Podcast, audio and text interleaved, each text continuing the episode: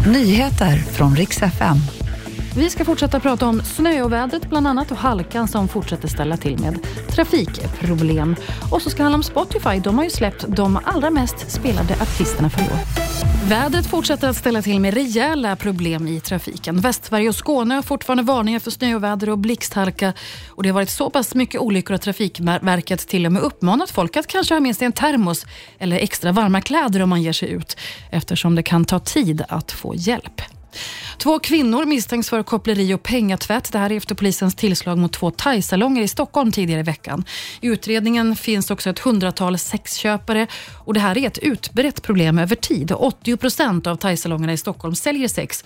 Det här uppger polisens människohandelssektion. ICA återkallar jordgubbar som kommer från Egypten. Prover visar att de har otillåtna bekämpningsmedel på sig. ICA säger att de ser mycket allvarligt på det här och har återkallat jordgubbarna.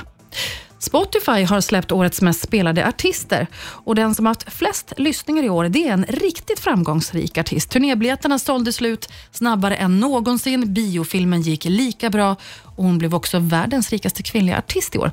Ja, inga stora överraskningar, det handlar om Taylor Swift. I år har hon skramlat ihop över 26 miljarder streams. Och Det var nyheterna. Jag heter Maria Granström.